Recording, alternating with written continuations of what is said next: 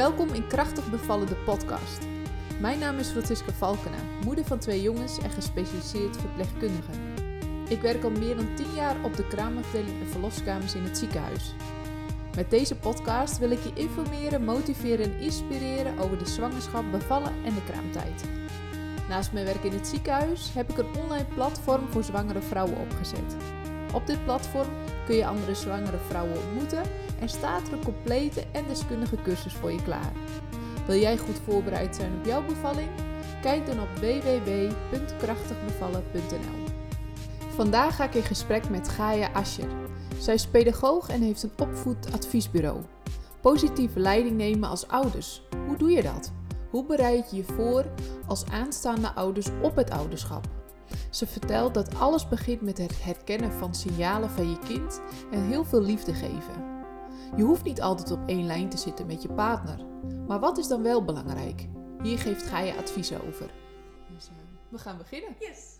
Gaia, leuk dat je er bent. Ja. Super. Um, jij weet heel veel over opvoeden. Dus daar uh, uh, gaan we het ook over hebben. Ja. Maar misschien wil je jezelf eerst even voorstellen. Ja, ik ben Gaia Ascher. Ik ben 39 jaar. Ik ben pedagoog en systeemtherapeutisch medewerker en videohome training, trainer. Dus best wel veel. Misschien zal ik daar straks nog wat meer over vertellen wat het allemaal inhoudt. Ja, graag. ik ben getrouwd met Maarten en ik heb twee kinderen van 11 en 8. En we wonen nu ja, zo'n 9 jaar in Friesland. Oké. Okay. Ja. En daarvoor? Dat ben ik dan wel nieuwsgierig Ja, in Amsterdam. Oké. Dus we komen helemaal niet uit Friesland. Nee. Dus uh, toen, ze, toen ik zwanger was van de tweede, uh, zijn we naar Friesland verhuisd. Dat was best een pittige tijd. Ja. Om in een zwangerschap te verhuizen en een kind van twee naar een plek waar ik niemand kende. En, uh, nee, dat snap ik. Ja. Ook toen nog geen werk had. En toen ben ik toen, mijn zoontje was denk ik vier maanden. Toen dacht ik, ik moet echt wat voor mezelf gaan doen. Ik had best heel veel ervaring. Ik had in Amsterdam best al heel lang gewerkt. Mm -hmm. um, ben ik een eigen praktijk gaan opzetten. En die praktijk heet uh, Ja Opvoedadvies. Ja, leuk. Ja. ja, leuk. Ja, leuk. Ja. ja. Vertel, wat, wat doe je met je, uh, met je praktijk? Nou, die ja, jij zegt het al meteen, ja, leuk. Die staat ook echt voor positief opvoeden. En uh, ik wil heel graag uh, mensen helpen, begeleiden om in hun kracht te staan. Nou, dat bij klopt jou. ook. Ja, ja. ja hoe, hoe, kunnen ze positief opvoeden, positief leiding nemen en uh, positief hun kind op een ja, hun kind zien en begrijpen. En daar help ik ze eigenlijk bij. Oké. Okay. En daarin begeleid ik ze en dat doe ik vanuit verschillende methodes die ik net al even kort noemde. Ja. Ja. En mensen komen dan bij je met een uh, op, opvoedvraag? Of via een bepaald systeem? Hoe, hoe, komen, Ja. hoe kunnen ze bij je komen? Nou, de verwijzers zijn kinderartsen en uh, uh, huisartsen en ge gemeente, gebiedsteammedewerkers. Oh ja. Uh, en ja, de, de, de vragen zijn uiteenlopend. Het is, het is vaak wel dat het start met gedragsproblemen van het kind. Dus mijn kind heeft hier last van of heeft hier, vindt dit lastig. En vaak komen we dan zo gaandeweg op van hey, hoe kan je als ouder zelf iets doen uh, met het gedrag van je kind? Oh ja. Uh, dus, dus zo werk ik vooral. Maar het, het zijn ook wel zinnelijkheidsproblemen of eetproblemen bij jonge kinderen of um, uh, ruzies, boosheid, veel regulatieproblemen. Dus, dus moeite met hoe ga je om met frustraties en boosheid, kinderen. En, en vaak ook hoe gaan dat ouders Ouders dan ook weer moeite ja, ja, ja. hebben met die Ja, dat snap ik. emoties. Ja. Uh, slaapproblemen bij jonge kinderen. Uh, ik heb niet zo heel veel pubers eigenlijk. Dat is niet helemaal uh, waar ik veel doorverwijzingen van krijg. Nee. Ja, uh, ook wel ouders die zelf uh, last, heel onzeker zijn of uh, dingen heel moeilijk vinden of het moeilijk vinden om meerdere kinderen aandacht te geven. Ouders onderling die niet goed afstemming kunnen krijgen. Dus Oh ja. de vader die het heel anders doet dan de moeder. En hoe doe je dat nou samen? Dat zijn een beetje En kunnen de- mensen dan bij jou zo ook terecht? Of, of eh, dan moet je wel echt een verwijzing voor hebben? Nou, uh, je moet wel, als je het voor goed wil krijgen, heb je verwijzing Ja, nodig. precies. Dus, uh, en als mensen gewoon zonder verwijzing willen, dan moeten ze het zelf betalen. Oh ja, Ja. dat is wel een verschil natuurlijk. eh, Ja, ja, nee, oké, Ja. duidelijk. en ik heb eh, ook nog eh, mensen voor mij en met mij samenwerken, zeg maar. Mhm. Ehm, ik heb nog een aantal andere pedagogen als, als ik zelf heel vol zit, eh, zodat ik geen wachtlijst heb. En ik heb nog een aantal mensen die andere, echt andere dingen doen. Al- Als ik denk van nou het is wel goed als dat ernaast zit, naast de opvoedingsondersteuning. Heb ik bijvoorbeeld een muziektherapeut die met muziek en ki- kinderen werkt. Oh, wat grappig. Ja, eh, een creatief therapeut en een systeemtherapeut en een psycholoog. Oh ja. Eh, dus die, eh, ehm, die zet ik zeg maar in als ik denk van... Goh, dit is wel handig om erbij Dit is te nodig. betrekken. Dit Ja. is nodig, ja. Oké. Ja. Nou, bijzonder. Leuk. Ja. Leuk om, althans, lijkt me leuk om op die manier met kinderen en ouders bezig te zijn. Ja, heel leuk. Ja, Ja. het is echt... het is, ja, ik vind het een heel mooi vak. Ja. Nou, we gaan nu een beetje zitten op de preventie, noem ik het Ja. maar even. Hè? Ja, Eh, want eh, deze podcast gaat natuurlijk vooral over zwangerschap, bevallen en kraamtijd. ja, En dan denken mensen misschien, hm, opvoeden. Maar ja, nou ja, ouders, hè, je wordt ineens ouder. Ja. Hè? Je gaat ineens een kind opvoeden. Of nou ja, dat begint dan vaak niet bij dag nul misschien, maar wel in de loop van de tijd. Ja. Hè? Eh, maar toch heb je al bepaalde, ja, denk ik, invloeden op je kind op het moment dat zo'n kindje geboren wordt. Ja. En dat soort, daar eh, wil ik het vooral ook eh, met je over hebben. Denk je niet ook al tijdens de zwangerschap? Ja, dat denk ik ook. Ja, Ja. zeker. Ik denk dat dat zeker invloed heeft. Maar misschien kun jij daar wat over vertellen. Nou, ik denk dat eh, de, hè, ik zei net al, ik heb veel ouders met, of kinderen en ouders met hoe ga je nou om met emoties. En ik denk dat dat al wel start tijdens de zwangerschap. Hoe ga je als, ehm, als moeder om met je eigen gevoelens en emotie als, als, de ja, als je de baby draagt? Ja, En hoe, eh, hoe gestrest ben je? Of eh, ja, hoe, wat doet dat met een, met een, met een eh, ba- baby? ja. En dat, ik denk dat dat inderdaad ook eh, begint. Volgens mij potst ik er tegenaan. ja dat geeft niks. eh, ik ga met mijn handen Ja. bewegen. Ja, dat geeft niks. Mensen kunnen het ook zien op YouTube. Dus eh, Eh, en, eh, en ik denk dat dat ook als je, als je eh, ja, bent bevallen en je bent thuis en, en, en, en je start, dan zit je vooral nog in de verzorging, denk ik, hè, en niet in de opvoeding.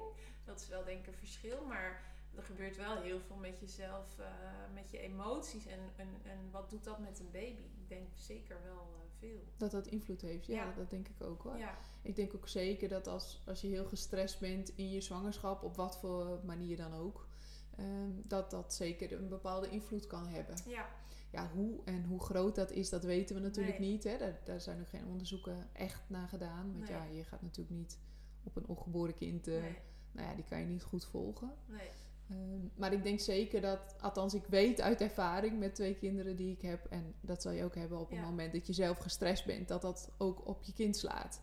Ja. Hè? En ik denk dat het niet eens zozeer uitmaakt of het kind nou heel erg klein is, of dat het Nee. eh, zes jaar of zeven jaar of hè, Nee. ouder is. denk ik ook. Ehm, dus, dus dat eh, deel, dat, eh, ja, dat denk ik ook Ja. zeker dat dat invloed heeft. En dat is denk ik zo'n belangrijk deel. Hoe reguleer je als ouder zelf? Hm. Hoe, hoe, en eh, het is helemaal niet erg als je gestrest bent. Als je, denk ik, ik denk dat dat menselijk is. Ik heb dat ook. Jij denk ik Ja, ook. zeker. Ja. absoluut. Dat hoort erbij. Als je, ik denk dat het wel heel belangrijk is dat je je bewust bent van dat dat effect heeft op je kind. En dat je Ja. dan weer je kind ziet en eh, dat, dat ziet dat dat een wisselwerking heeft. Ik denk Ja. dat dat heel belangrijk is. Dat is eigenlijk al stap 1, zeg maar. Hè? Dat, je, dat, dat je dus eigenlijk ehm, weet dat hetgene wat jij denkt, voelt, ervaart, dat dat ja, eigenlijk door je kinderen gekopieerd wordt. Ja? Dat je dat terugziet in je kinderen. Althans, dat vond ik de grootste eye-opener voor mezelf. Dat ik echt dacht, ik heb, krijg echt een spiegel elke dag. ja echt. Voor hetgene wat je zelf doet en eh, ja, Ja. wat weerslag heeft op, Ja. eh, op je kinderen. En, en dat dat er mag zijn. Dus dat, dat je dat verdraagt, dat dat er is. Mhm. Ik denk dat dat ook wel belangrijk is. Dat je niet jezelf naar beneden gaat halen van...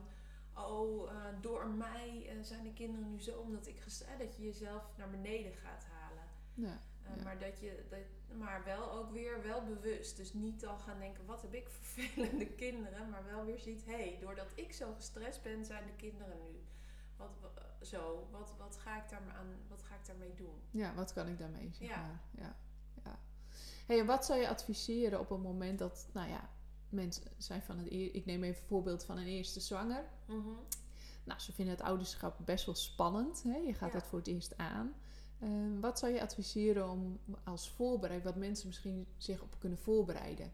Of hoe kun je het een beetje uitleggen van hoe, hoe ziet dat dan nou uit, zo'n ouderschap in zo'n ja, beginjaren? Als Ja. net, Ja, ik, de- ik, ja goh, weet je, ik vind dat best een hele lastige vraag in die zin dat ik denk dat het bij elke, eh, dat de context heel belangrijk is. Want ik denk dat elke, eh, elke man en vrouw weer anders zijn. Dus eh, iedereen doet het weer op zijn eigen manier. Daarnaast heeft iedereen een bepaalde opvoeding gehad. En dat neem je ontzettend mee weer in je, in je, in je ouderschap.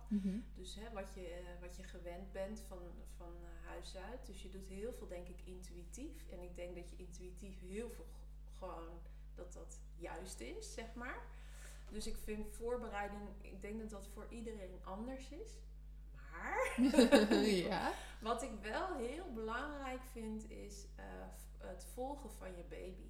Ik denk dat dat de basis is. Je baby zien en kijken naar je baby.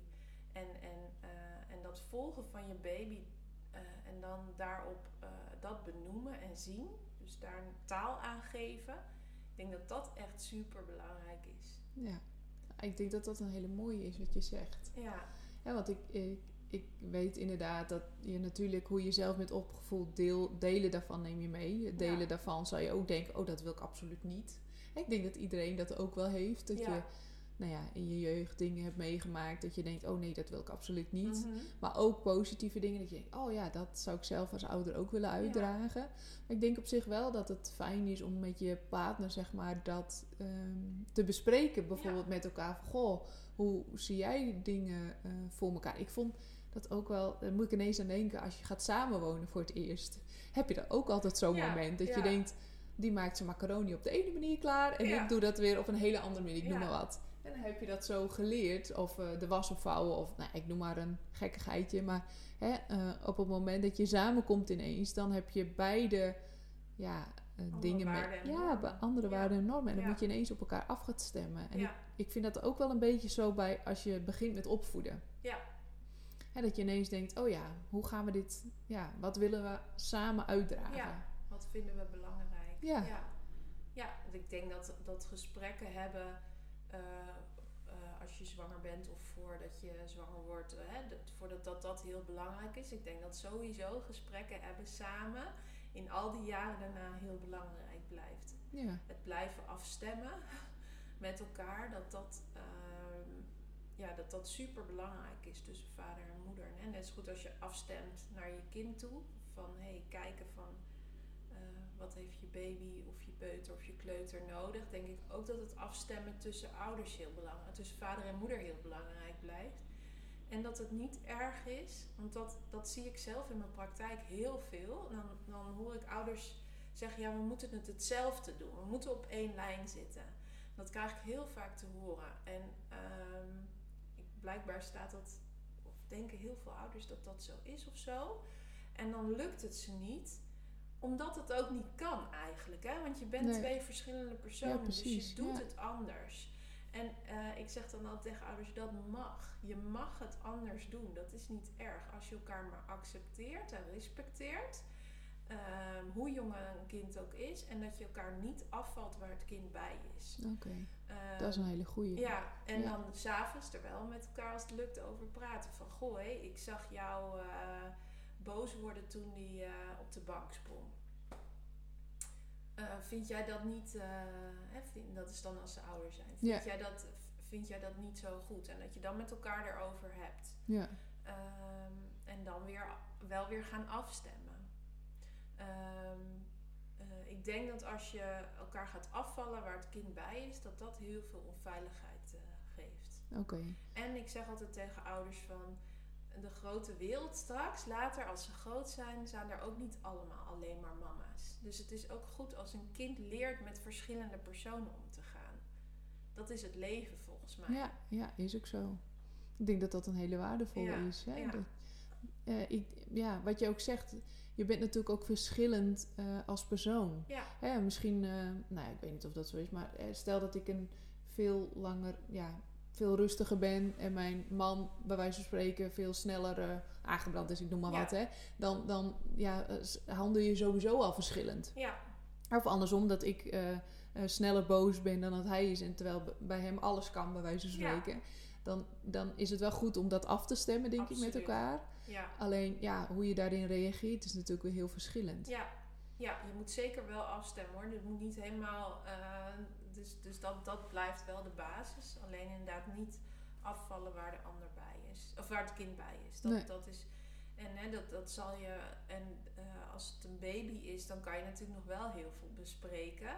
Van eh, de een wil misschien een baby laten huilen en de ander niet. Nou, daar kan je natuurlijk heel goed over praten. En dan is het wel fijn als je afgestemd bent. Ja, Dus het, wordt, het hangt wel weer van de context af en de leeftijd. ja, dat, ja. ja, dat snap ik. Maar het is, ik vond het wel lastig. Op een gegeven moment ben je nog zo gewend dat je kan praten waar Ja. de baby bij is. En dan op een gegeven moment wordt, komt er natuurlijk Ja. een leeftijd dat het niet meer zo kan. Ja, En dat vond ik ook altijd zo'n schakelmomentje. Dat ik ineens dacht, oh, verrek, hij luistert mee en hij weet exact wat we zeggen. En, dan kom je in zo'n zo'n overgang, zeg maar. ja, precies. Eh, dat, dan was- moet je zelf weer gaan reguleren. Dat is denk ik de basis weer. Van hoe kan je zelf weer reguleren als je ziet dat je man het, het, speelgoed opruimen anders oplost dan jij. ja. En dat jij denkt, ik kan het eigenlijk veel beter. Want dat Ja. is wat- ik ga me er eens even mee bemoeien. Ja. En dat je dat dan niet doet. En dan gaat reguleren en denkt, nee, hij, ik blijf rustig. Hij mag het op zijn manier doen. Ja, precies. Ja. Hey, en als eh, op het moment dat zo'n kindje komt, ehm, nou, het wordt natuurlijk geboren, hè, Ja. eh, dat even nagelaten, maar eh, op het moment dat zo'n kindje wordt geboren, heeft het eigenlijk een bepaalde hechting nodig. Hè? Ja. Wij weten dat het eerste uur heel goed is om huid op huid te doen, hè, bloot op bloot, om het zo maar Ja. even uit te leggen. En ehm, dan zie je al een stukje hechting. Mhm. Kun jij iets vertellen over hechting? Ja, hechting is de basis. Ik, het eerste jaar, eh, en ja, ja, jij weet heel veel van die eerste, allereerste tijd. eh, dat, vind ik leuk om te horen van dat eerste uur. Maar ik denk dat het het Ja. eerste jaar super belangrijk is om heel veel, eh, ja, er heel veel eh, knuffelen, heel veel bij het baby bij je te dragen, zowel man als vrouw. En, en heel veel veiligheid te bie- bieden en rust en, eh, en eh, ja, heel veel eh, contact Ja. en volg van de baby. Maar die, die hechting is, is essentieel. Ja, wat kun je een beetje uitleggen waarom zo essentieel is voor zo'n baby? Want meestal zie je dat, dat althans dat, dat, dat uh, op het moment, ik vind het altijd een heel mooi gebaar op een, hè, we, eerst, we noemen dat het gouden uur, zeg maar. Zo'n kindje ligt dan echt bij moeder. En, uh, maar zodra het eigenlijk bij vader komt, zie je ook dat het herkent. Hè? Dat het de her stem herkent. Stem, ja. En uh, vaders onderschatten zichzelf daar echt in. Want daadwerkelijk herkennen ze wel zeker de stem, het stemgeluid van de vader. Ja. Want ja, negen maanden heeft hij natuurlijk ook gepraat in een Ja. omgeving waarin de vrouw zat. Hè? En dat is echt wel heel mooi om te zien. Dus ik denk dat, want sommige uh, vaders zeggen nog wel eens tegen mij: ja, maar die hechting met de moeder is wel heel belangrijk, want die gaat voeding geven, misschien borstvoeding, misschien Ja. hè? dat maakt dan niet zoveel uit. Hè? Maar die is er vooral en uh, nou ja, laat maar zoveel bij mogelijk bij de moeder. En dan denk ik wel eens: nee, dat is ook echt goed. Ja, een kind, mm, het is belangrijk dat een kind zich leert te hechten Ja, precies. aan een persoon. Dat is vooral als die niet, uh, ja, een hele, niet, niet kan hechten, dat is zorgelijk. Maar een vader is net zo uh, belangrijk, naar mijn idee. Ja, Doen dan jullie dan ook video-home training in het ziekenhuis? Nou, ze doen wel op een kinderafdeling. Uh, Ja. Maar als het gewoon, um, ja, bij ons een gezonde zuigeling noemen we dat Ja. dan. En er niks hè, uh, bijzonders is, dan maken wij vooral heel veel foto's en filmpjes voor de ouders met hun eigen Ja. uh, toestel. Maar niet zozeer dat we daar echt een training op, Nee. of, op hebben. Nee. Nee. Ik wel op een kinderafdeling, hè, zijn ook pedagogen Ja. werkzaam. En dan zit er nog een stapje tussen, omdat het dan vaak om een zieke pasgeborene gaat. Hè, uh, Of keizersnee, hè? Dan doen ze ook Ja. wel, uh, f- filmen ze ook wel, begreep ik. Ja, maar dat is ook alleen bij te vroeg geboren kindjes. Hè? Als ze gewoon uit term zijn ja, op een uitgerekende datum, Ja. ehm, dan worden er wel foto's en zo gemaakt, maar niet specifiek. eh, eh, ja. ehm, nou ja, dat is meestal meer eh, als we op een kinderafdeling zijn. Ja. Omdat ouders dan niet continu erbij kunnen zijn. Ja, dat is een beetje het verschil. Ja, als op het moment dat tegenwoordig bij de keizersnede wordt het ook echt uit de buik geteeld en gelijk oh ja, hè, bij moeder gelegd. Dat is zo belangrijk, hè? Ja, dat, die. Dat, dat eigenlijk dat contactmoment proberen we niet meer te verstoren.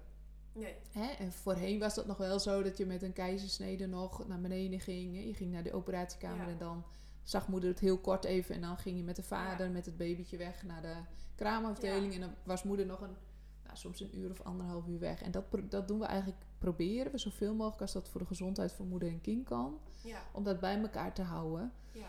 Zodat ja, eh, die hechting goed kan plaatsvinden vanaf het begin. Ja. En die video home training is dan meer als het dat niet kan. Ja. Hè, op het moment dat het niet kan, dan zet je dat in. Ja, en Zo. ik zet het ook in, even over die hechting, als, als, eh, als het eerste jaar, als er heel veel onrust is, of er veel gebeurt, of onzekere ouders, ehm, of bijvoorbeeld een huilbaby en eh, het contact maken eh, vinden ouders moeilijk lastig, dan zet ik wel video home training in en dan ga ik eh, veel, het kindje filmen, het liefst ook met ouders, en dan kijken we daarna rustig terug. En dan gaan we goed kijken, eigenlijk Ja. nog een keer een kans om het volgen van het kind. Dus weer waar ik net over had, wat, wat zie je bij de baby? Waar, hoe kijkt hij? Waar kijkt hij naar? Eh, eh, ja, Eigenlijk wat voor signalen geeft hij af? wat voor signalen geeft hij Oh ja. af? En dan ga ik eigenlijk oefenen met de ouders eh, met beeld, hoe ze dat kunnen ontvangen. En als ze dat gaan oefenen, dan kunnen ze daarna ook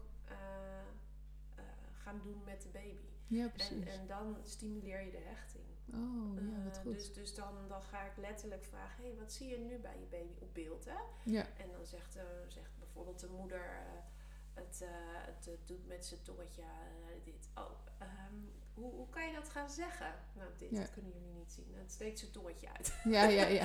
Ehm, eh, hoe kan je dat gaan vertellen? Oh, hè, dan gaat, dat zegt de moeder, weet ik niet. Dan vraag ik het aan de vader, kan jij dat vertellen? En zo gaan we oefenen met taal geven aan wat ze zien Oh, ja. bij de baby. En zo stapje voor stapje het gaan oefenen met het daadwerkelijk tegen de baby zeggen als ouders daar moeite mee hebben.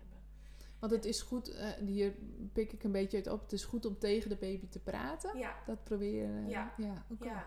En waarom is dat goed? Nou, dan heb je interactie en contact. Ja, oké. Ja, en eh, het, ja, het is heel veel veiligheid voor de baby. En knuffelen is natuurlijk helemaal het allerbeste. Ja, gewoon Ja. veel eh, eigenlijk. Ja. Ik zeg ook altijd hoor, de eerste weken eh, kleed je kindje nog zoveel mogelijk uit. En eh, jij ook een ontbloot bovenlichaam, zeg maar, dat je echt die huid op huid vind ik altijd zo belangrijk. En het Ja. is ook gewoon heerlijk, laten we wel Ja, zeggen. Hè? Die klein, ja, toch? Oh ja, heerlijk. Eigenlijk vind ik dat, dat knuffelen belangrijk blijft. Eh, Absoluut. eh, ja, het ene kind wil meer dan het andere, maar eigenlijk wordt dat, dat emotiebrein, hè, we hebben meerdere delen in het brein, eh, dat wordt zo eh, goed gestimuleerd als je veel knuffelt. Volgens Ja. mij blijft dat heel belangrijk. Ja, dat is goed dat je dat zegt. Want heel veel ouders komen ook wel eens met de vraag bij mij van... Goh, hè, vooral als ze een, tijdje, een beetje langer blijven bij ons van... Goh, kan ik mijn kind niet verwennen? Hè? Kan ik mijn kind niet te Oh. veel verwennen eh, met knuffelen en steeds pas, vastpakken? En dan zeg ik altijd, nee joh, dat kan helemaal niet. Eh, maar wanneer kan dat wel? Verwennen. Verwennen, hè? Dat, je, dat als ze aandacht vragen of huilen om, om weer uit bedje te kunnen, weet je, Oh, dat ja, soort ja, ja, ja. gedrag. Iedereen kent wel dat gedrag dat je denkt van dan ga je voor de tiende keer naar boven. eh, Volgens mij, uit, zo uit mijn hoofd, begint die conditionering vanaf acht maanden. Ja, dat zou best kunnen hoor. Eh, en dan, eh, hè, dan moet je op bepaalde momenten inderdaad, of moet, niks moet, je moet doen zo je weer moet. Eh, ik vind dat altijd ook heel lastig om zo, want het is ook weer zo contextgevoelig. Maar ja, is ook zo. eh, met, met, ook met slapen denk ik, eh, ja, wat past bij een ouder? Maar dan is inderdaad huilen s'avonds en dan uit het bedje halen en knuffelen minder handig. Ja. Maar die eerste maanden vind ik eh, eh, Ja, ik- zoveel mogelijk knuffelen. Maar daar zijn natuurlijk eh, verschillende ideeën over. Maar zo zie ik het. Ja, maar ik denk wel de eerste maanden vooral eh, is zo'n kindje nog heel afhankelijk. Hè? Ja, Het is zo afhankelijk dat op het moment het, dat het huilt, heeft het iets te zeggen. ja Hè? dat is de En- enige manier. Precies, en Ja. dat is, daar is altijd goed, naar mijn idee, en zeker als ze voor het half jaar zijn. Ik zeg ook altijd, tot een half jaar kun je ze echt niet verwennen, Nee. want ze kunnen het A niet opslaan. Hè? Ze kunnen niet zelf bedenken van, goh, de, de, de actie die ik nu doe, heeft daadwerkelijk gevolgen. Ja, hè, dat, dat, dat, dat heeft het brein dan nog niet ontwikkeld. En dan zou ik het eerder nog niet verwennen noemen, maar daarna gewenning. Ja, precies. Dat is misschien nog wel een beter... Ik vind verwennen klinkt zo. ja. Ik vind verwennen, mijn associatie met verwennen is cadeautjes geven. Oh, ja, dat is een goeie. Ja, ja. Maar goed, dat is. eh Ja. Nee, dat is ook zo. Dat is ook zo. Of snoep. Of snoep, ja, inderdaad. Ja, Nee, is ook zo. ja. Nee, maar dat eerste half jaar is het juist heel belangrijk om juist veel te knuffelen. Om Ja. gewoon je kind veel bij je te hebben. ja. Hè, sommige ouders zeggen ook, ja, maar dan huilt het alsnog, weet je. En dan zeg ik, ja, maar dat... En een kindje huilt. Hè? Een kindje mag ook gewoon huilen. Dat is zijn uitlaatklep. Hou het alsnog veel bij je. ja. En kijk gewoon wat het daarna doet. Hè? Ga maar gewoon, ook al huilt het, laat het maar lekker bij je liggen. En, eh, gaat het weer om de regulatie van ouders. Hè? Ja, dus ouders hebben dan weer moeite met dat het, dat het babytje huilt. Dat is de behoefte van ouders dat, het, eh, dat er iets mee gebeurt. En dat, dat is ook later, als kinderen groter zijn, krijg ik heel veel ouders die zeggen van... ja, hij is boos, ik, ik, hij moet stoppen met boos zijn. En dan ga ik het eigenlijk uitleggen dat boosheid een hele goede emotie is. ja. Waarom, mag een kind, waarom zeg je tegen een kind, je mag niet boos zijn? Oh ja. Ja, mooi. Ja. Eh, en dat is ook, het is wel weer, hoe ga je om met die boosheid? En hoe ga je als ouder daarmee om? Hoe blijf je zelf rustig en stabiel? En dat is natuurlijk ook bij een baby. Hoe kan je zelf rustig blijven als een baby huilt? Wat je zegt, eh, lekker bij je houden en knuffelen. ja. Want hoe doe je dat dan? Hè? Ik krijg wel eens vaak, eh, de, of vaak, maar ik krijg wel eens de vraag van, goh, ehm, dan huilt een kindje nou, redelijk veel de Ja. eerste twee, drie dagen. En dan zegt ze, ja, zou ik dan een huilbaby hebben? En dan zeg ik altijd, nou, dat kan nu nog helemaal niet. Nee. Hè, maar ah, ja, sommige ouders zijn toch wel bang voor van, goh, wanneer heb ik dan een baby die een huilbaby is? En hoe moet ik daar dan mee omgaan? Ja, ik vind Krijg je die vraag wel heel ingewikkelds. Ja, dat is het ook. Eh, vind het altijd moeilijk. ehm, eh, ja, dat vind ik best een moeilijk. st- eh, nee, ik heb die vraag nog niet gehad. Ik heb wel vaak ouders die komen, we hebben een huilbaby. En, en dan ga ik heel erg aan de slag met het reguleren van moeder en dan en vader. voor hoe die rustig kunnen blijven, zelfvertrouwen, veel de baby bij zich houden, knuffelen en dan neemt het vaak af, is mijn ervaring. Ja. Maar- Nou, dat is altijd goed om te zeggen, denk Ja. ik. Dat dat, hè, dat, dat dat de eerste stap misschien wel Als er is. niks medisch is, hè? Nee, zeker. Ja. Ja. En het is, ja, het is natuurlijk ook wel zo op het moment dat een kindje veel huilt, dat dat op een gegeven moment frustratie oplevert. Hè? La- Verschrikkelijk. Ja, ja. ja. dat is hartstikke zwaar. Laten we eerlijk wezen, het is natuurlijk, je wil gewoon dat je kindje zich goed voelt. Ja. Ten alle tijden. Ja, Absoluut. eh, en En dat je is, wordt er hartstikke onzeker van, denk ik. Ja, en is onrustig. aan de hand. Ja, kan me dat heel goed voorstellen. Ehm, en wanneer zou je zeggen van goh, op het moment dat ehm, nou, ouders daar moeite mee hebben, hè, ehm, zou je dan een advies kunnen geven van goh, hè, ga eens, kijk eerst eens verder. Of op het moment dat je kindje, eh, wat ik zelf, althans wat ik zelf nog heel goed weet, is dat ik op een gegeven moment in de draagzak heel veel ging Ja. dragen. Of sommige mensen zeggen wel eens wandelen. Of in, sommigen gaan zelfs een stukje rijden in de auto. Ja, Weet je, van zulke soort Ja. dingen. Eh, Ja. Dan denk ik wel eens, oh ja, zijn er nog meer tips die je weet dat je zegt van nou, als je kindje huilt en je weet het even niet, eh, dit helpt altijd goed. altijd niet, want dat wisselt. Maar inderdaad, ik ben ook voorstander van die draagzak. Weer dicht bij je houden. Veel bij, ja, bij je houden. Zelf. eh, en elkaar denk ik afwisselen. Goed met elkaar ook weer overleggen. Dat als het je even te veel wordt, dat de ander het over kan nemen. Ja, bewegen werkt. Zachtjes bewegen. Oh ja, dat is, ja, ja, nee, maar dat is een goeie. Want inderdaad, op het moment dat, eh, dat je kindje s- zachtjes wiegt, zeg maar, Ja. dat is misschien beter woord, Ja, hè, dan eh, ja, worden ze er vaak ook Ja. rustig van. ja.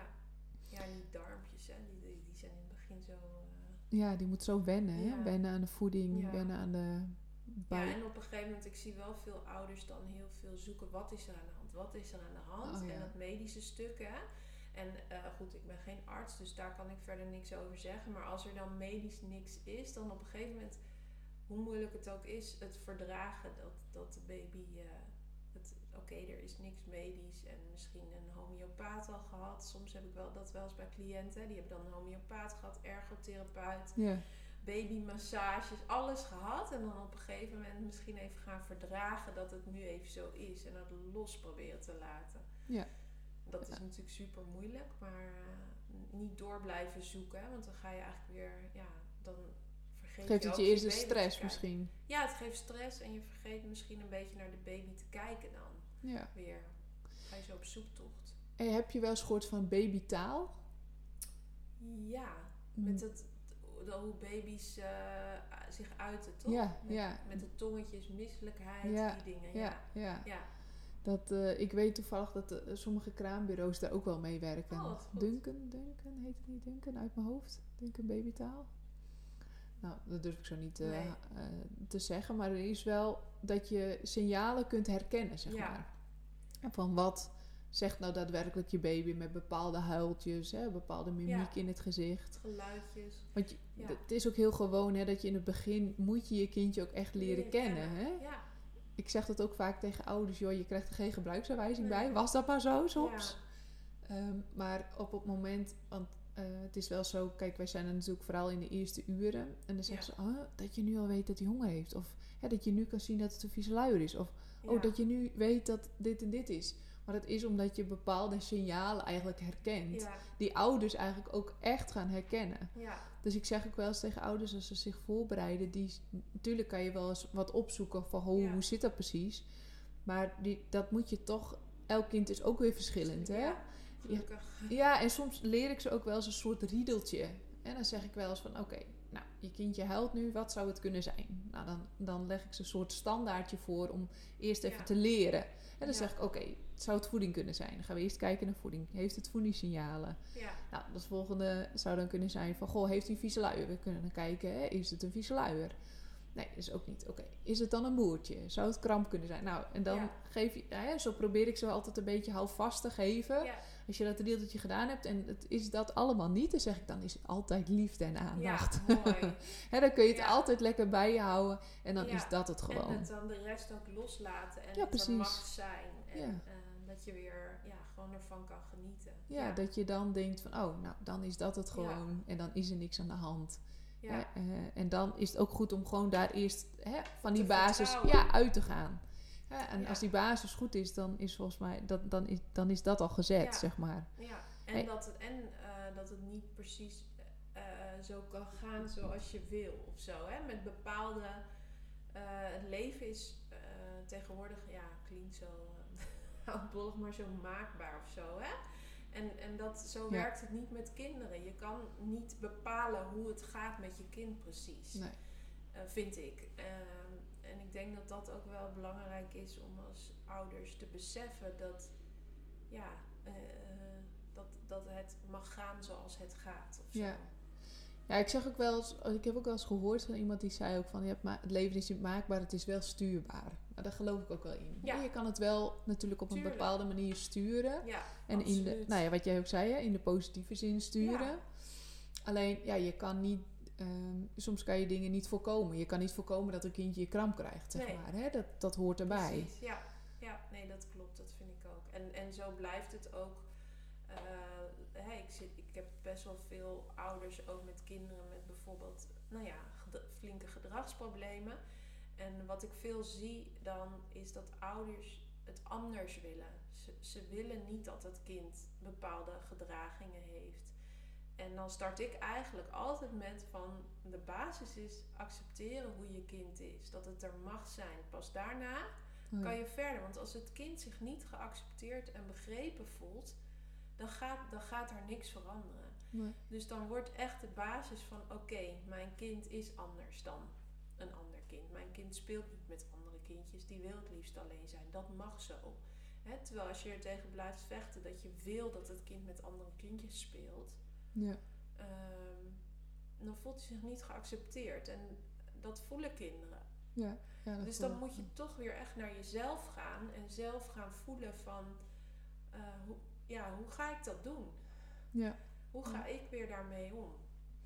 Eigenlijk is de basis ook dat je gewoon je kind heel erg leert kennen. Ja, Goed kijken. kijken, voelen, ja. bijstellen mag ook, want het kind verandert natuurlijk in de, in de loop van de Ja. jaren. Het kan misschien een heel open kind zijn in de, in, eh, of een heel makkelijke baby die nooit huilt. En een super drukke kleuter en dan weer eh, heel eh, angstig. hè, dus het kan wel wisselen. Ja. in de loop van de jaren. Dus je moet ook weer bijstellen. Of moet, ja. ja, nee, dat snap ik. Ja, En toch zie ik ook wel eens wat onzekere ouders. Hè? Die zeggen Ja. dan van ja, ga ik dit wel kunnen? Hè? Kan Ja. ik deze verantwoordelijkheid aan? Wat zou je die eh, ouders willen adviseren? Of Eh, kunnen adviseren? Ja. Eh, ja, het, hangt ook een beetje van de context af. Maar nog voordat de baby er is? Of, Ja, is nou ja, ja, nog voordat de baby er is. Of Ja. soms als de baby er al is. Ja. ja, dat ze denken van, joh, jeetje, hè, kan ik dit wel? Gaat dit me lukken? ja. Hè, kan ik zo'n kindje wel opvoeden? Hè, je krijgt geen opleiding, geen Nee. gebruiksbewijs. We moeten dit allemaal maar kunnen ineens. Ja, ja ik denk eh, ehm, dat vertrouwen hebben in jezelf en kijken naar de, de succesmomenten en ehm, ook bewust van zijn dat als je heel erg onzeker bent en blijft, dat dat, ja, dat, dat dan dus de spiegel is van je kind. Eh, dus als je zelf met jezelf aan de slag kan gaan van hé, hey, hoe kan ik meer vertrouwen in mezelf krijgen en mijn kind, dat dat voor jezelf en je kind altijd positief Positief uitpakt. Ja. Ja. Ja, dat geloof ik ook wel. Ja, En ik denk ook gewoon dat het goed is om mee te geven dat de basis is altijd goed. Hè? ja, Je doet het vanuit een bepaalde hè, Ja. liefde, zeg maar. Hè, je, absoluut. althans, Je, en wat is goed, hè? ja, nou ja, dat is een goede dat vraag. is ook echt ingewikkeld en, en moet, perfect bestaat niet. En ik zeg ook altijd tegen ouders, je hebt ook veel ouders die zich dan schuldig voelen als ze het in hun ogen niet goed hebben gedaan. Ja, ja. Ehm, en dan zeggen, ja, dat hoort bij het leven. Wat ik wel heel belangrijk vind, is maak het goed erna als een kind al kan praten. Hè? Ga naar, of jong is, van ga naar je kind toe en zeg sorry. Ik was even, ik was een beetje moe en daardoor reageerde ik een beetje eh, boos op je of geïrriteerd. Maak het wel weer daarna goed. Daar leert een kind zoveel van. Dat na ruzie maken je het goed maakt. ja, ja. En hou het bij jezelf. Dus, eh, want eh, hè, je kan naar je kind gaan en zeggen: Nou, jij was niet, eh, je, was, je, kwam zo, je kwam zo onnozel naar me toe en zei het zo onaardig, daarom werd ik boos. En je kan ook zeggen: Ik was een beetje moe en daarom reageerde ik zo op jou. ja. Hou het bij jezelf. Dus taal, taal is wel heel belangrijk vanaf jongs af aan. Ja, ja dat, ik denk dat het wel goed is om t- eh, dat- dat je dat zegt. Want Ja. eh, ik denk, nou ja, ik weet uit ervaring. Ja, Op het moment dat je boos bent, dat je ook wel eens wat zegt. Ik weet dat ik ooit een keer, was wel grappig, eh, toen, toen, nou ja, ja, stond ik eigenlijk te schreeuwen tegen mijn kind, terwijl Ja. die aan het schreeuwen was. ja, En toen zei ik, stop nou eens met schreeuwen. Maar eigenlijk was ik dat zo op die manier eigenlijk aan het schreeuwen tegen hem, stop met schreeuwen. ja. Dat ik dacht, en ik sta nu hier zelf ook te schreeuwen, dat ik ook wel een soort van in de lach schoot met het idee van, ja joh, ja, wat doe ik eigenlijk? Hè? Ja. Wat, wat ben ik zelf aan het doen? En wat doet mijn kind eigenlijk een soort van, ja, Ja. na dan op een gegeven moment, hè? Ja, ja, zeker. En dat is ook wel vaak wat ik zie, dat ouders denken dat ze met ehm, een gesprek heel veel voor elkaar krijgen, hè, met taal. Dus zeggen van nou, eh, eh, weet ik, ja, ik zit even naar een goed voorbeeld te zoeken, maar bijvoorbeeld, ehm, eh, ja, ik, ik vind het belangrijk als je dit en dit en dit doet. Of als je netjes Oh ja. en alle, alle kinderen uit. Maar eigenlijk wa- wat de basis is, is hoe doe je het zelf? De gedragingen, wat laat je zien? Oh, Hoe ben je zelf naar andere mensen als die binnenkomen in huis? Want gedragingen, dat, dat spiegelen kinderen veel meer. Vanaf eh, heel jongs af aan. Vanaf baby. Ja, je ziet, Oh. het, je ziet het ook altijd, hè? Dat kinderen Ja. eigenlijk je exact nadoen Ja. eh, in datgene wat je soms zelf doet. Maar ik, ik zie het nu vooral, hè, mijn oudste is zes en mijn jongste drie. Maar die kopieert hem echt in alles. Ja. die loopt er de hele dag achterna. En die, die, die doet alles na. En nou, de oudste vindt het niet altijd leuk, want die zegt als... Ja, ga nou weg. ja. Maar hij doet hem alles na. ja, Echt soms in, als hij staat zelfs, hè, dan hangt hij een beetje tegen de muur en dan gaat hij ook tegen de muur hangen. Ja, dat, je, dat je echt denkt, oh ja, wat grappig. Maar dat hebben ze natuurlijk ook deels van ons geleerd. Hè? Hoe wij dan weer staan en nou ja, onze houding aannemen en tegen andere mensen richten. Ja, Ja, dat, het dat echt- kopiëren ze die gewoon. gedragingen zijn al van zo jongs af aan zo belangrijk. Ja. Ja, en dan, hè, dan krijgen ze ook op een gegeven moment eh, natuurlijk die eerste woordjes en zo. En dat, dat is ook wel heel leuke leeftijd. En dan zie ik ook wel dat het heel belangrijk is om te gaan herhalen wat een kind zegt. Ook weer volgen en, en dan niet zeg, eh, niet gaan zeggen hoe eh, bijvoorbeeld een kind zegt, ik zie nu hier een beker staan, die zegt eker, eker. Oh ja. En dat je dan weer positief opvoedt door te zeggen beker. En niet nee, het is een beker. Dus die nee, Oh, even terugkomend op ja, opvoedadvies, die nee, die moet zo min mogelijk in je zinnen zitten. Dus meer afleiden als het ware en het juiste zeggen dan corrigeren. Ja, nou in, in dit geval, dit voorbeeld zou ik gewoon alleen maar het letterlijk herhalen. Oh ja. Eh, en eh, eh, ja, dat is natuurlijk als ze net beginnen woordjes te zeggen. Heel veel herhalen, herhalen, herhalen. Maar sowieso als ze ouder worden is herhalen blijft heel belangrijk. Ook voor je eigen tempo. Eh, dus als een kind zegt van eh, ik wil een snoepje, is het ook handig om dat eerst te herhalen. Om eens even rustig na te denken van wil ik dat wel. Hè? Dus als ik, dat je dan letterlijk zegt, oh jij wil een snoepje. En dan heb je weer even tijd om te denken van, eh, goh, wil ik dit eigenlijk wel? Ja. En wat mij heel erg opvalt is dat, eh, dat we in deze, nu, hè, de laatste jaren van mijn praktijk, dat we allemaal heel snel het willen oplossen voor kinderen. Oh ja. Ehm, dus, en dat we dan weer vergeten een kind te ontvangen. Ehm, dus hè, ik had bijvoorbeeld laatst, zei mijn dochter, ik wil niet naar school. Eh, ik, ik had meteen de neiging om te zeggen, ja, maar je moet naar school. En toen dacht ik van, hè, dit, dit is de oplossing. Ik wil dat ze naar school gaat, maar ik vergeet haar eigenlijk te zien en te horen. En door eigenlijk alleen te zeggen van, oh jij wil niet naar school. Nou, dat snap ik wel. Ik wil, ik wil soms ook niet naar mijn werk. is eigenlijk voldoende. En dat is al van jongs af aan heel belangrijk om te blijven volgen en te ontvangen en af te stemmen. En niet te snel naar de oplossing te gaan. Nee, je ziet dat in het begin, vind ik ook wel, eh, als ze op een gegeven moment beginnen te kruipen of te lopen, hè, en dat ze dingen, heel veel dingen gaan grijpen.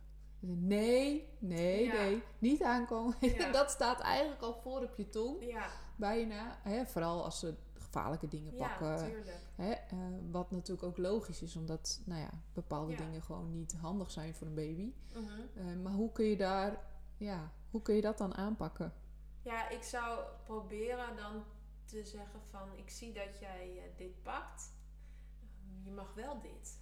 Oh ja, een al- Ja. alternatief als het ware en dan aanbieden. proberen de nee niet, want de nee is heel interessant hè. Als ik nu tegen jou zeg, niet aan een roze olifant denken. Niet aan denken. Niet in je hoofd aan denken. Ja, ja Ja, dan inderdaad. komt die roze olifant natuurlijk naar boven. Ja. En zo werkt het met kleine kindjes ook. Hoe meer je niet zegt, hoe meer ze het juist gaan doen. Dus als het lukt om eh, de handeling te benoemen eigenlijk, van ik zie dat je dit pakt, we gaan even wat anders pakken, dat is eh, beter. Oké, nou, dat, beter, ja. nou ja, Ja. ja, Ja, eigenlijk wel. eigenlijk wel. Ja, nee, dat is een goeie. denk ik. Dat is een, leuke tip. Want Ja. daar, daar krijgt elke ouder mee te maken. Absoluut. Hè, dat, dat op een gegeven moment eh, Of ja, niks meer nee, veilig is. En je kan wel één keer zeggen dat het niet mag, maar niet tien keer. Nee, heeft oké. het echt geen zin meer. Nee. Nee, dat denk, nee, dat denk ik ook. Ja. Hey, en ehm, ehm, ik vraag me af, wat is de beste manier, of de beste manier, of wat is een goede manier om een pasgeboren baby aan andere kinderen thuis eh, te introduceren? ja, dat Heb je daar ook een tip voor mensen voor? hangt natuurlijk ook weer van de leeftijd af van het eh, andere kind. Hè? Uh, maar dat is denk ik wel goed om inderdaad voor te bereiden met boekjes. Je hebt heel veel leuke boekjes in de bibliotheek over een baby die gaat komen.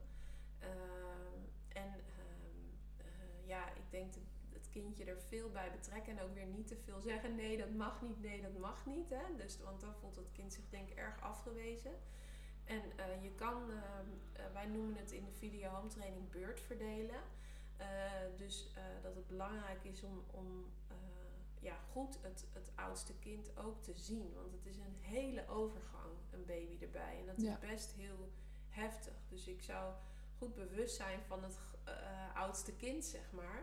En uh, ja, die kan je met taal best wel aanspreken. Hè? En dan kan je ze best wel beide aandacht geven. Kijk, als het oudste kind, noem maar even, jouw oudste heet Jort. Nee, Brent, Brent. is de oudste? Ja, Brent, Brent, zie je wat Jort doet? Hij is uh, aan het rondkijken. Dan geef je ze eigenlijk beide aandacht. Oh ja. Maar uh, je geeft Brent uh, ja, wel de.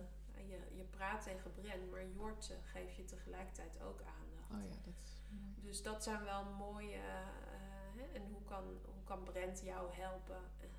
en, en, en denk ook belangrijk, hoe kan je echt één op één aandacht voor Brent houden? Hoe kan je hem ehm, ja, bewust dat je niet alleen maar met je baby bent. En je ziet ook vaak dat dan de vader heel veel met de oudste is. En, de, en, de, moeder. En tuurlijk, dat is logisch, want de moeder moet voeden. Uh, maar ik denk dat het als moeder ook belangrijk is om te kijken hoe kan ik even, als het maar vijf minuten, even bij uh, de oudste in bed gaan liggen of zo. Ja. Dat je dus eigenlijk een moment per dag, hè, om het een beetje concreet te ja. maken, el, gewoon elke dag een moment kiest. Ja. Hè, uh, dat je gewoon echt de pure aandacht hebt ja. voor de oudste. En ook weer waar. Of voor andere ik, kinderen. Ja, en wat ik net zei, als het kind. eh, Sommige kinderen zijn super blij en die vinden het heel leuk. Maar er zijn ook kinderen die zeggen: Ik wil dat mijn boordje weggaat. Mhm. Moet weer terug in de buik.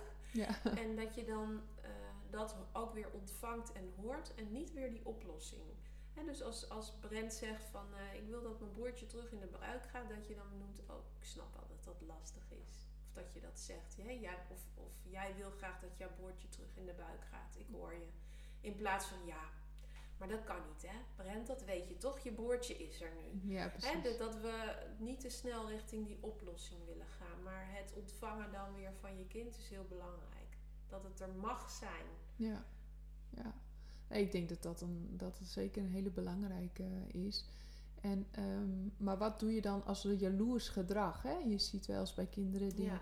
Uh, jaloers gedrag hebben op de baby. Mhm. Hè, dan, uh, ik weet toevallig van uh, een kennis van mij die een kindje die nou, gooide dan van alles in de wieg. Ja. Of in, in de box, hè, kussens, nou, de meest vreemde dingen, waardoor Ja. ze echt het gevoel had dat ze niet een tel hè, bij de Ja, kinderen ook. veilig, Nee, hè, dat ze niet durfde naar de wc bijna te gaan, omdat Oh, ja, ze ja. dacht, ja, hoe, ja, Ja. hoe pak ik dit aan? Heb je Ja. daar misschien nog een tip voor? Van goh, wat doe je met ja, jaloers gedrag eigenlijk? Ja, van, ik denk ook weer de basis is het ontvangen dat het jaloerse gedrag er mag zijn. Mhm. Dus dat weer die acceptatie waar we het eerder over hebben. Want als een kind zich geaccepteerd en begrepen en gezien voelt, wordt daarna vanzelf het gedrag minder. Meestal. ja, Dus eh, ik denk starten met te zeggen van hé, hey, ik zie dat je het echt wel heel lastig vindt. Hè? Eh, je, en je, je gooit dingen in de wiegen. eh, ja, volgens mij ben je er een beetje boos over dat de baby er is. Punt. ja, precies. ja. En eh, kijk, het moet natuurlijk wel veilig zijn. Dus eh, daar, daar, daar moet wel naar gekeken worden. En ik denk dat daar ook wel uitleg over gegeven moet worden. eh, hoe hij dan wel om mag gaan met die jaloezie. Wat mag hij dan wel doen om dat te uiten? En dus het kan niet in de wieg, maar waar mag hij wel zijn emoties uiten? Dus door alleen maar te zeggen, je mag het niet in de wieg gooien, kan hij die emoties niet uiten en kwijt. Dus eh, kan hij misschien eh, met mama tegen een kussen gaan slaan, omdat hij het zo lastig vindt dat de baby er is. ja. Dat, Dat je hem blijft- alternatief biedt, zeg ja, maar. het blijft wel belangrijk dat, dat het er wel mag zijn. Ja, ja. ja, anders krijg je ook dat hij, ja, dat hij het misschien op, opkropt of dat hij, ja, dat er bij, mee blijft rondlopen. Ja, en dat, je, eh, dat hij als kind denkt dat hij het niet mag hebben, omdat moeder zegt: Dit mag jij niet doen. Ja, ja, ja. ja. Ja, lastig is dat nog best wel. Hè? Ja, dus het blijft heel belangrijk om consequent te zijn. Hè? Want het volgen en een kind zien zegt niks over wel of niet consequent zijn. Hè? Dus als je eenmaal zegt van eh, ehm, je gaat nu naar bed.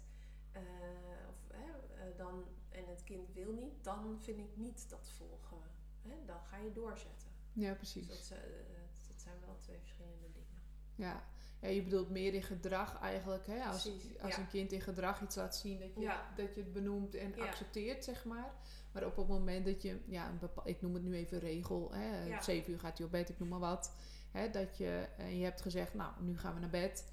En hij zegt, nee, dat wil ik niet. Dat je dan niet zegt, oh nee, oké, prima. Dan blijven we nog even een half uurtje op. Nee, dat niet. En ook met dat in de wieg gooien, daar ook consequent in blijven dat dat niet mag. Nee, precies. Ja. Dus daar wel, als je zegt het mag niet in de wieg gegooid worden, wat, me heel logisch lijkt, dan moet je daar ook mee aan de slag en dat doorzetten. En, en dan kan je wel samen gaan kijken wat dan wel kan. Ja. Want hoe belangrijk is het dat kinderen grenzen krijgen? Heel belangrijk, ontzettend belangrijk. grenzen zijn echt heel belangrijk. En dat geeft ook heel veel veiligheid. Als, uh, als, het, als er geen grenzen zijn, geeft dat heel veel onveiligheid bij een kind. Al bij heel jong, bij hele jonge kinderen. Want je hebt tegenwoordig ook wel de, noemen ze vrije opvoedtechnieken ook. hè? Mhm. Dat, dat je vooral het kind, de, ja, wat ik ervan op mee heb gekregen, hoor, ik weet niet of het klopt, maar dat je het kind vooral laat bepalen hoe en wat. En, en nou ja, Mhm. zelfs weet ik dat mensen er doorslaan van hoe laat het op bed. Als het moe wordt, dan mag het op bed, zeg maar. Oké.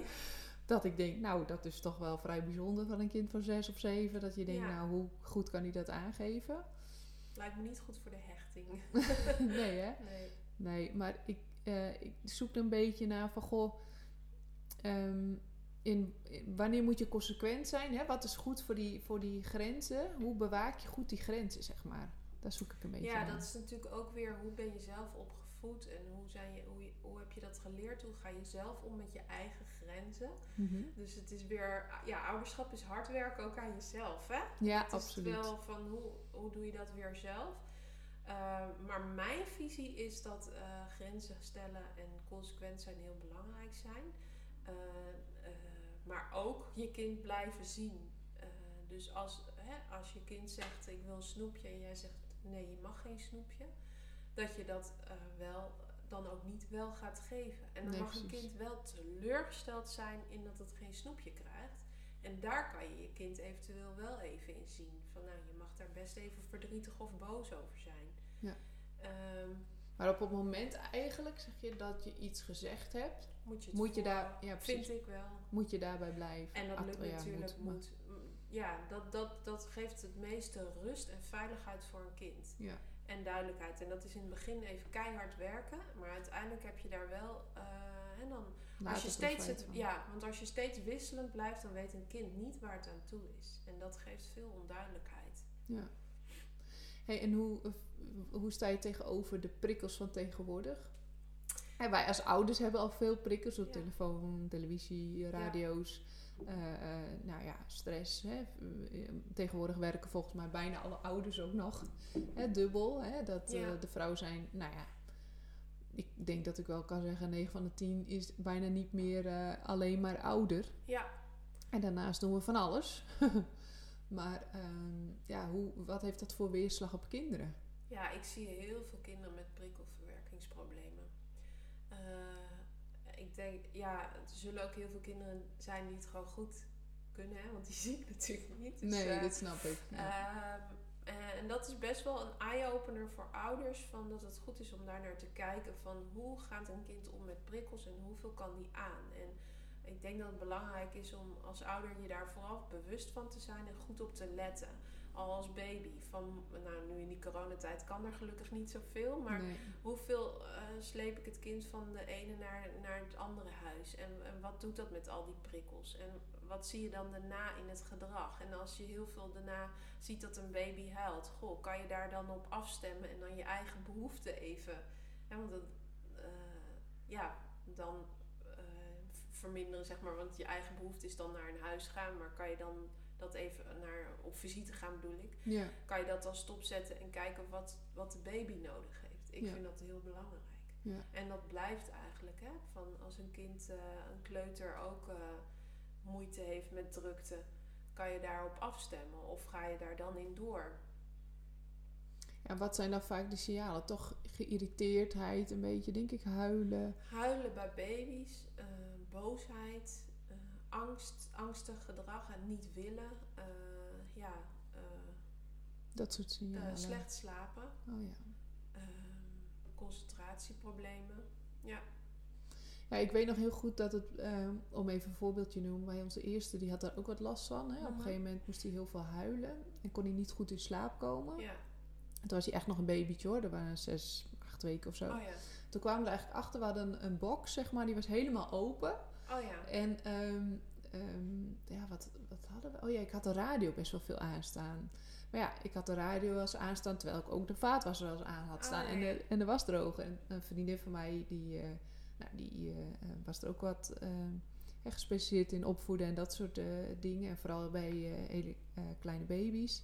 En die vertelde mij van, joh, hè, als je hier nu zit, hoor eens wat je hoort. Ja. Hè? En kijk, wij, zijn, wij hebben een filter. Ja. Nou, baby's eh, hebben geen filter. Nee. Dus alles komt ook tien Ja. keer zo hard binnen. Ja. En dat was echt voor mij ook echt een bewust moment dat ik dacht: oh ja, verrek, ik heb even. Terwijl de radio stond heel zachtjes aan.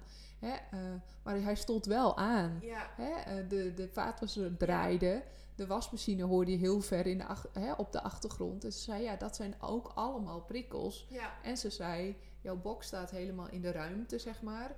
Overal aan alle kanten heeft hij prikkels Ja. hè, qua gezicht dan. Hè, dat Ja. hij dat hij van alles ziet. En toen heb ik die box zeg maar aan, de, aan een, nou ja, tegen de muur gezet. Hè, eh, ik had nou, hem ook nog wel eens in de box slapen. Dus toen heb ik hem van de box verplaatst naar het bedje. Ja. Weet je, zulke soort dingen. En inderdaad, dat hielp heel goed Ja. eigenlijk. En daardoor ging hij steeds ja, Ja. vast te slapen. En eh, Ik denk dat dat echt eh, werkt. En ook, ik weet nog wel dat ik bij mijn eerste ook heel onzeker was in het begin. En eh, kreeg ik bezoek van eh, een aantal vriendinnen. En die wilden allemaal die baby vasthouden. oh ja, En ik wilde dat eigenlijk niet. Want ik dacht, ik wil het niet van de ene naar de andere arm. Hè? Dat zijn Ja. ook best wel heel veel prikkels voor een baby. Ja. Eh, en, maar ik weet ook dat ik dacht, hoe ga ik dat nu, hoe geef ik mijn grenzen aan? En hoe doe ik dat nou? Want ja, hoort dat niet zo? En toen dacht ik ook weer, nee, ik ben de moeder, dus ik mag beslissen hoe ik het doe. En als zij, hè, dat, is, dat is eigenlijk al de start met hoe geef ik mijn grenzen aan? ja. Wat is Ja. goed voor mijn, wat denk ik dat goed is voor mijn kindje? Ja. Ja. Ja, ik denk dat dat inderdaad een hele goede is die je zegt. Want ehm, wat we, nou ja, nu is het coronatijd. En gek genoeg vinden mensen in het ziekenhuis het best wel heel fijn dat ze geen bezoek kunnen ontvangen. Ja, Omdat het altijd best wel soms een momentje was dat die vrouw soms nog maar een uurtje net bevallen was. En er stond een hele familie al op Ja. bezoek. Terwijl Ja. ze, je wil het heel graag laten zien, hè, begrijp me niet verkeerd. Want dat is natuurlijk wel heel uniek dat jij voor het eerst of bij de tweede of bij de derde kan laten zien ja, hoe je kindje eruit ziet, wat zijn naam is enzovoort. Maar wat je nu echt ziet, dat mensen veel meer gericht zijn op even hun gezinsmomentje. En dat schoot er voorheen nog wel eens bij in. ja, Ja, en dat vind ik wel echt, eh, ja, dat is een beetje teruggekeerd in een positieve zin. ja. En daarna ook, denk ik. En ook eh, hè, dat half uurtje. eh eh, weet het? Die, kraam, die- ja, die, dat gouden uur bedoel je? Nee, ik bedoel ook die tijd na oh, de kraamtijd. kraamzorg. hè? Ja, Dat, ja. dat er dan ook mensen bleven hangen en langer dan een half uur of zo op bezoek kwamen. Terwijl het eigenlijk gewoon kort moet. Hoe geef je dan ook weer je Ja, grenzen aan? ja, ja. ja. ja, leuk. En ik denk dat het ook wel, hè, ehm, ik weet niet of je daar nog een advies voor hebt, maar eh, wat je ook wel ziet is dat mail, nou, vooral jonge moeders die een beetje onzeker zijn, zich laten leiden door ouders of vriendinnen of Ja. mensen in de omgeving. En daar worden mensen juist onzeker van. Hè? Heel Ja. veel goed bedoelde adviezen. ja. En ja, die ze een beetje uit hun balans soms haalt. Hè? Omdat je, nou ja, zelf natuurlijk, hè, je doet het voor het eerst. En al het begin is moeilijk. Ja, hormonen. Hè? ehm, hoe blijf je dan dicht bij jezelf?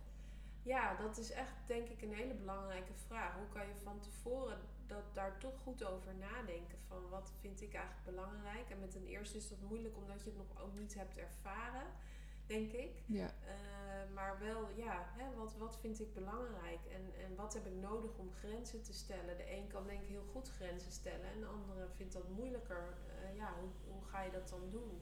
Ik denk dat wel een van de waardevol, als, althans als ik het zo, eh, als jullie trouwens, ik, er loopt hier de hele, of er loopt, er zit hier de hele tijd een veegauto Ja, te rijden. Hoe is het mogelijk?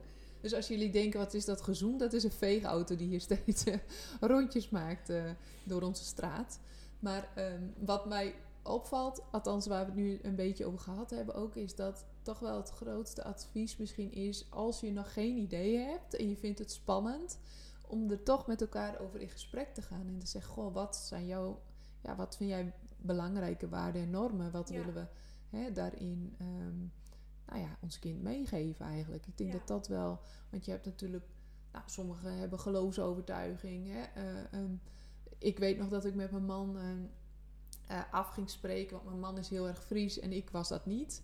Van goh, welke taal gaan we spreken Ja. bijvoorbeeld? Hè? Wat, wat gaan we ons kindje daarin meegeven? Wat vinden wij belangrijk? Weet je, Ja. zulke soort het dingen. zijn echt wel belangrijke, mooie gesprekken. Ja, ik denk dat daar, daar, daar sta je misschien niet zo bij stil. Maar ik denk wel dat het heel fijn is om dat toch, Ja. eh, toch eens dat gesprek met elkaar aan te gaan. Van, goh, wat vinden we nou belangrijk? En soms zet het maar eens op papier van, goh, En je Ja. hoeft dan ook niet meteen weer die oplossing te hebben. Hè? Maar door er Nee. met elkaar over te praten en te zeggen van nou, ik, eh, ik vind het eigenlijk heel fijn als we de eerste week zoveel mogelijk met z'n tweetjes, drietjes zijn hè, met de baby. En eh, eh, gewoon om dat te delen is denk ik al heel belangrijk. ja, om goed naar je kind te kijken. Wat, wat, Volgen van je kind, ja, dat precies. is echt heel belangrijk. Wat zie je nou precies? Ja. Wat geeft hij nou daadwerkelijk aan? Ja, Ja, en dat je mag leren en. En dat je niet als moeder het maar altijd, of als vader, ja even moeder omdat ik moeder ben, eh, het maar altijd hoeft te weten. Maar dat je ook een kind mag gaan leren, kennen en ontdekken. En Ja. dat je er dan... en je weer kan mag ook vragen. Ja, Ja. en je mag ook vragen, hè? Ja, Want je ouders hebben het natuurlijk niet voor niks. eh? Ik had het net misschien een beetje in een negatieve zin van... Goh, je krijgt soms goed bedoelde adviezen en eh, nou ja, daar word je soms onzeker van. Maar soms kan het natuurlijk ook helpen als je Hè, dat- zelf vraagt. Ja. maar- dat, dat je andere moeders vraagt. Of, an, hè, of je eigen ouders. Of een oom en tante. Of hè, eh, mensen die ook kinderen broertje. hebben. Ja, zusje, broertje. Ik Eh, denk wel mooi dat netwerk heel belangrijk is om, om je heen te hebben als je gezin hebt. Mensen waar je je veilig bij voelt, dat je om hulp mag vragen, inderdaad. Eh, als het je even te veel is, dat het heel normaal is. Ehm, maar wel inderdaad dat je zelf de regie daarover hebt. En niet eh, ine- ineens eh, een, een moeder hebt die zegt je moet het zus en je moet het zo doen. Nee, Nee. als jij even denkt van nou mam, ik vind het fijn als je me even komt helpen. Want het is me nu best wel, het is te veel. ja. Eh, zo. Dat is Ja, ik denk wel dat- heel belangrijk. ja, ik denk dat het goed is om open te gooien op een moment dat je het even niet meer trekt. Want Ja. volgens mij, althans, ik kan zeker voor mezelf spreken dat ik echt wel een paar van die momenten heb gehad hoor. Ik ook. Dat je echt denkt, oh help. Ja, hoe, eh. Ja, hoe moet ik dit doen? En eh, ja, ja, weet je, kinderen zijn ook onvoorspelbaar. Hè? Op het moment dat het even goed loopt, dan denk je, oh, het gaat echt super. eh, we hebben een ritme gevonden. Hè? Soms ook met een baby, dan heb je een beetje een ritme gevonden. Ja, en dan komt er een regeldag tussendoor. En dan is dat ritme weer even helemaal weg. En dat geeft niks. Dat, ja, dat is hoe het gaat, zeg maar. Ja. En daar moet je soms go with the flow, zeg ik wel eens. Want zo is het wel een beetje met kinderen zo. Je hebt niet een Nee. dat is, maakt het onderwerp ook best wel lastig om over te praten. Omdat geen kind is gelijk, geen ouder is gel- gelijk.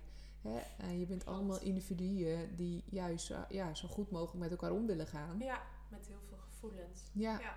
En eh, dan is begrip eh, voor elkaar toch wel de ja, kernwaarde, denk ik, eh, Helemaal mee eens. om, om te benoemen. Acceptatie, begrip. Ja. Ja, dus ik denk zeker dat daar ja, gewoon een vertaalslag ligt in hetgene wat je ziet, wat je hoort, wat je voelt, om dat met elkaar zoveel mogelijk misschien wel te delen, Ja. open te gooien. Nou, mooie, mooie samenvatting. Ja? Oké, nou fijn. Ja.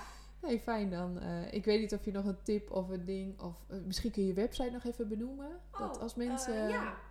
interesse hebben. Ja. Ehm, www.jaopvoedadvies.nl ja, leuk. Ja. leuk. Dan nou, schroom niet als je een keer een vraag hebt. Volgens mij kun je jou, jou prima bij de website benaderen. Ja, absoluut. Hè, dan, dan ja, als je onzeker bent of wat dan ook, gooi het gesprek open en dan eh, kan je altijd de vraag aan, ied- aan welke zorgverlener dan ook. Hè, je krijgt altijd een antwoord. Eh, dus dat, Absoluut. dat is altijd Ja. goed om te doen, eh, Ja. mensen. Die wil ik nog even meegeven. Ja. Nou, hartstikke bedankt. Deze podcast dient als inspiratie en voorbereiding op jouw zwangerschap en bevalling. De informatie die gegeven wordt kan handig zijn voor jou, maar het kan niet worden gezien als een medisch advies. Voor meer informatie over hoe jij je het beste kunt voorbereiden op jouw bevalling, ga dan naar www.krachtigbevallen.nl. Het online platform voor zwangere vrouwen.